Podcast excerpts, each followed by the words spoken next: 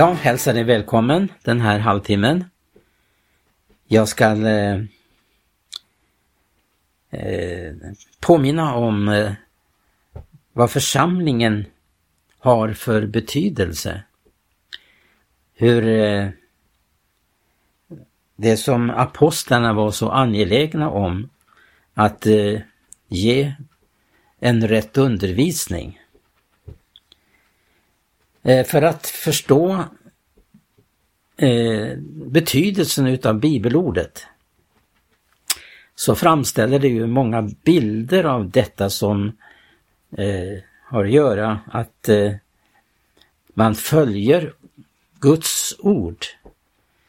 Att man är angelägen om att det sker en upprättelse för ordet. Och då gäller församlingen så är ju församlingen en andlig byggnad. Och apostlarna själva eh, menade sig vara byggnadsarbetare åt Gud. Och de hade fått sig givit en mönsterbild till församlingen. För att inte det skulle bli någonting som inte var i överensstämmelse med mönsterbilden. Det var väldigt noga att följa de anvisningar, att verkligen förkunna Guds ord. Det har hela tiden varit så att eh, eh, det som fienden, djävulen, inriktar sig på, det är att eh, eh komma med ting som avleder ifrån ordet och då det gäller församlingen så, så handlar det om Eh, mönsterbilden som man byggde efter.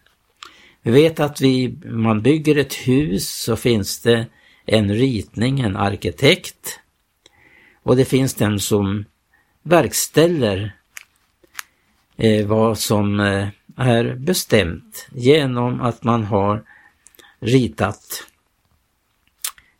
eh, gjort en ritning av en byggnad.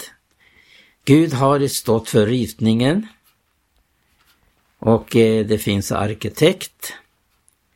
Och det är ju väldigt, väldigt viktigt då att man följer det som ritningen säger om detta hus. Hur viktigt är det inte då? Då gäller Guds församling att den blir byggd efter den mönsterbild och det var det som också stod i fara under apostlarnas tid, att bevara det som blev uppenbarat. Apostlarna fick ju den här ritningen, om man nu säger så, eh, genom en gudomlig uppenbarelse på samma sätt som Mose fick en uppenbarelse på berget.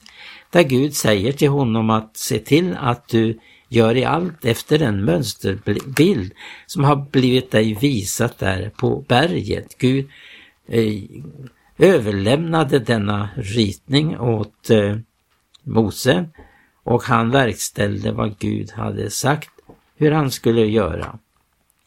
Ja, vi tänker oss också Noa, han fick också en ritning. Och han byggde också en ark. Och eh, det blev färdigställt och det står så underbart om Noa att han gjorde allt efter den mönsterbild som Gud visade honom. Så gjorde också apostlarna, så gjorde Mose. Och det, det som är så avgörande för att församlingen ska bli den maktfaktor eh, i tiden. Eh, Gud eh, vill komma Eh, och bo i detta hus. Han vill uppenbara sig och eh, därför var det så viktigt att detta med församlingen som Paulus säger i Fesubrevet att det ska växa upp till ett heligt tempel. Ja, det är också en, ett ord som används av församlingen, att församlingen är ska vara ett heligt tempel. Och det var det här som apostlarna arbetade efter. Att eh, ha den inriktning och den målsättningen att eh, eh, bygga efter mönsterbilden. För församlingen är ju en byggnad. Dessutom står det också i eh, första Korinthierbrevet 3 och eh, från vers 9 att eh, man var Guds medarbetare, att församlingen var Guds åkerfält, en byggnad.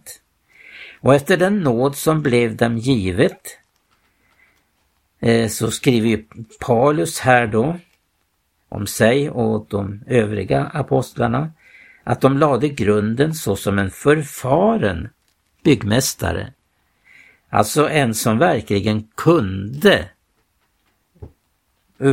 uppföra en byggnad.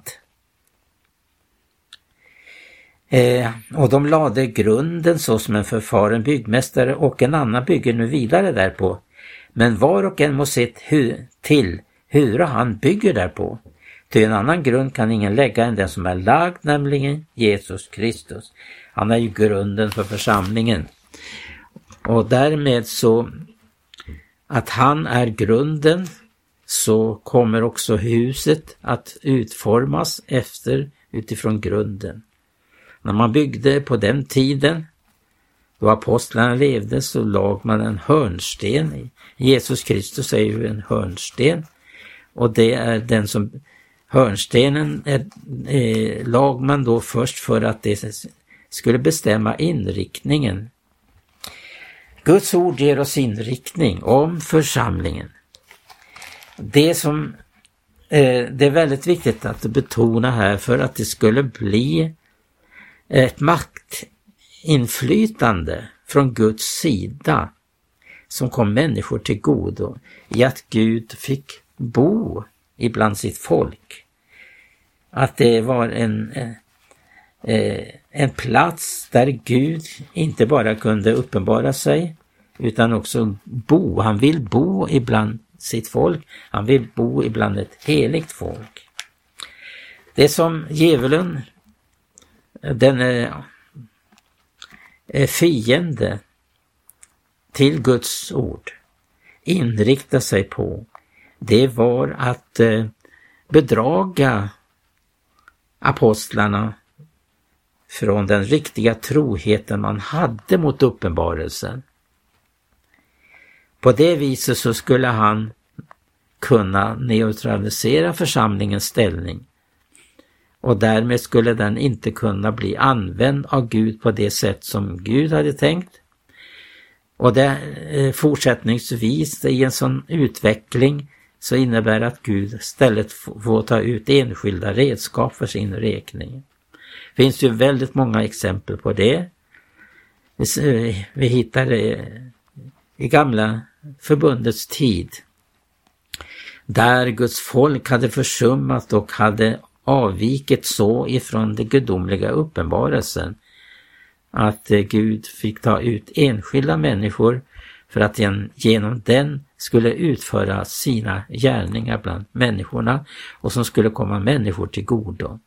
Hans folk först och främst. Och så som Guds folk är så bestäms möjligheten för Gud att kunna uppenbara sig, att frälsa människor. Eh, då nu apostlarna höll på med detta byggnadsarbete så eh, eh talar Paulus om i eh, första eller andra Korinthierbrevet, det elfte kapitlet. Och han eh, verkligen eh, betonar hur viktigt det är troheten mot den gudomliga uppenbarelsen. Och det som jag nu är inne på i den här sändningen så handlar det om församlingen. församlingen som eh, skall eh, bli uppbyggd efter Guds ord. Och då skriver Paulus så här. Det var alltså eh, i Andra Korinthierbrevet 10 från andra versen. Ty jag nitälskar för eder så som Gud nitälskar och jag har trolovat eder med Kristus och ingen annan för att kunna ställa fram inför honom en ren jungfru. Om vi då först stannar inför den här versen innan vi går vidare i vers 3 och 4 så ser vi att apostlarna hade en målsättning, en inriktning, en nitälskan och den var inte liten. Utan han skriver här så som Gud nitälskar, så nitälskade de. Och vad de nitälskade för, det var för att kunna ställa fram församlingen som en ren jungfru. För att jag läste ju då så här. Ty jag nitälskar för er så som Gud nitälskar och jag har trolovat det med Kristus och ingen annan för att kunna ställa fram inför honom en ren jungfru. När församlingen lever efter ordet, då utgör den en eh, maktställning i tiden. Den kan bli föremål för Guds handlande på ett rikt och stort och genomgripande sätt. Detta vet fienden och därför inriktar han sig på att eh, försöka infiltrera sig på ett sådant sätt att det sker en avvikelse ifrån mönsterbilden, ifrån den gudomliga uppenbarelsen som apostlarna bar fram. För att han skriver så här, Paulus, om vi fortsätter i vers 3 och 4, att eh, han fruktade när han då skriver till korinterna att såsom ormen i sin illfundighet bedrog Eva, så skola till äventyrs också edra sinnen fördärvas och dragas ifrån den uppriktiga troheten mot Kristus. Om någon kommer och predikar en annan Jesus än den vi har predikat, eller om ni undfått ett annat slags ande än den ni förut har undfått, eller ett annat slags evangelium, så fördragen ni eh, så fördragen ni ju sådant allt för väl. Man var alltså redo att lyssna till någonting som eh, inte var helt i överensstämmelse med apost vad apostlarna ägde. De såg den stora faran i att eh, ormens genom sin list skall eh, förleda och eh, eh, inverka på församlingens uppriktiga trohet mot Kristus. När Paulus då talar upp det här så, så, så använder han ju väldigt gripande ord, trolova. Att vara trolova med Kristus och ingen annan. För, för att kunna ställa fram inför honom en ren jungfru. Det är målsättningen för apostlarnas arbete. Att ställa fram en ren jungfru. Hur ser det då ut i vår tid? Ja, vi ser ju att eh, om vi ser tillbaka i tiden, väckelserörelser har uppstått där man har närmat sig mönsterbilden. Man kanske inte har kommit fram helt till den, men eh, varje väckelserörelse har fört fram sin bit sin, av det som apostlarna ägde. Och därför så blir varje ny väckelse ett steg vidare. Man liksom för, för fram stafettpinnen vidare. Och på det viset så får Guds folk uppleva att de kan återerövra, om jag ut, får uttrycka mig så, återvinna det som apostlarna ägde. Det som är kallelsen i vår tid. Det är just detta som har att göra med församlingens upprättelse i vår tid. Och då att den får ske efter den apostoliska mönsterbilden. Den gudomliga uppenbarelsen om församlingen. Som Paulus talar om i Efesebrevet på ett speciellt sätt. Där han skriver att eh, församlingen är inte var som helst. Och eh, han eh, beder eh, djupet från sitt hjärta, Paulus. Som det står i första kapitlet från 18 versen, att han, Gud, skulle upplysa eh, Efesernas eh, församling och de ledande i församlingen, att deras hjärtan skulle bli upplysta så att de skulle förstå hur hopp det, det hopp är, vart han annat de kallat dem till. Hur rik på härlighet hans arv är bland de heliga. Hur översvinnligt stor hans makt är på oss som tro, allt i enlighet med den väldiga styrkans kraft. Varmed han har verkat i Kristus i det att han uppväckte honom från de döda och satte honom på din, sin högra sida, den himmelska världen, över alla andevärldens furstar och väldigheter och makter och herrar, ja över allt som kan nämnas, icke allenast i denna tidsålder utan och i den tillkommande. Allt lade han under hans fötter och honom, alltså Jesus, gav Gud åt församlingen till att vara ett huvud över allting. Åt församlingen, till det är hans kropp som är uppfylld av honom som uppfyller allt i alla. Här får också en underbar bild av församlingen, att det är Kristi kropp i tiden. Hur ska vi då ställa oss i denna tid som vi lever i idag? Ja, det är väl uppenbart att det går inte att bygga på någon gammalt som har förts fram, även om det har varit till stor nytta. Är det inte så att eh, när man ska bygga så måste man börja om från grunden igen? Så har det väl skett vid varje eh, steg som den heliga Ande har fört fram då det gäller församlingen. Det är väldigt, väldigt viktigt att förstå den tid man lever i och förstå vad som måste till. Att det går inte att bygga, det går inte att gå in i en allians, ekumenik, utan att eh, det måste läggas en grund på nytt igen. Så har det skett genom all Guds tids historia på jorden. Man börjar om på nytt igen. Och det är väl det steget vi tar för att vi ska gestalta hela den gudomliga uppenbarelsen.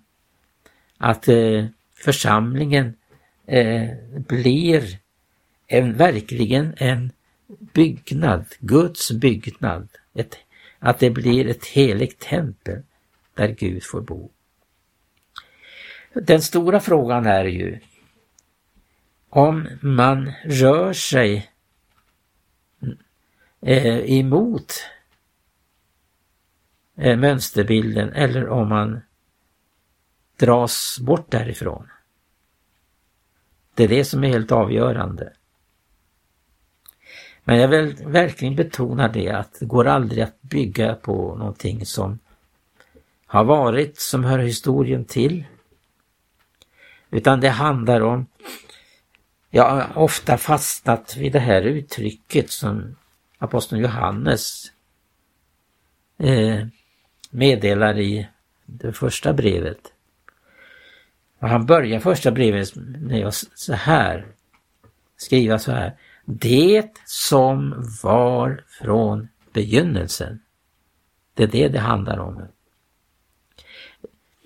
Och har inte då nu då tidigare väckelserörelser inte kommit fram till det som var från begynnelsen så återstår det den kallelse.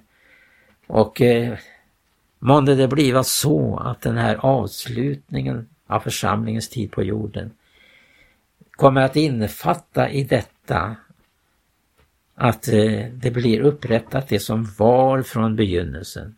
Det apostlarna förkunnade. Och att vår nitälskan ska bli så som Paulus säger hur han nitälskade. för att församlingen ska kunna ställas fram som en ren jungfru. Församlingen det är ju Guds angelägenhet, det är hjärtesak för Gud, församlingen. Och eh, då man tänker på församlingens uppgift så är det oerhört omskakande att tänka på att eh, då Gud får upprätta församlingen för att vara en Guds boning i anden, som det också heter i Efesierbrevet. En Guds boning i anden. Och det handlar ju också både den universella församlingen och den lokala församlingen. Att vara en Guds boning i anden.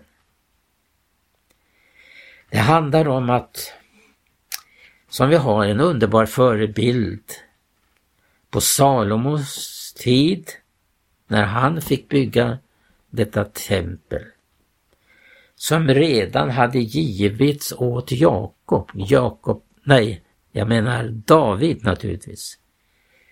Salomos far, David, fick eh, uppenbarelse om detta tempel, hur det skulle se ut, hur det skulle byggas. Det var inte gjord efter människors tankar, utan det var, måste vara efter Guds tankar. Det måste vara det här som Nya Testamentet lär oss att eh, församlingens huvud är Kristus.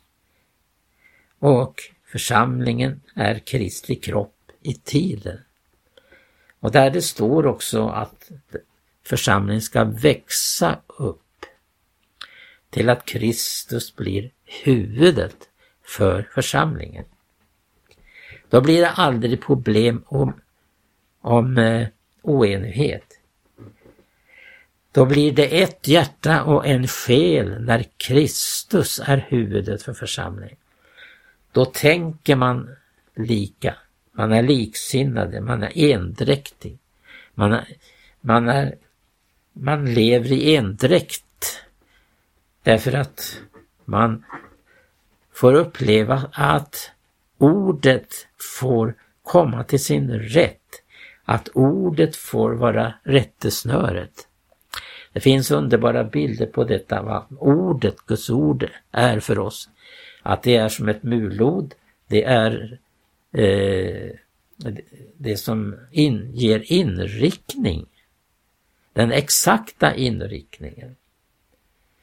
Ära vare Gud. Och som man likhet med vad som vi läser om i Uppenbarelseboken, att man skulle mäta templet. Och det är väl så också att det är Guds ord som kommer att vara avgörande för oss då det gäller detta byggnadsverk. Må Gud i denna tid ha ut människor för sin räkning som kan vara lik dessa apostlar som är erfarna byggmästare. Gud välsigna dig, du som har lyssnat. Och vår önskan är att detta som vad Bibeln lär om församlingen skall förverkligas också i vår tid. Gud välsignar var och en på återhörande.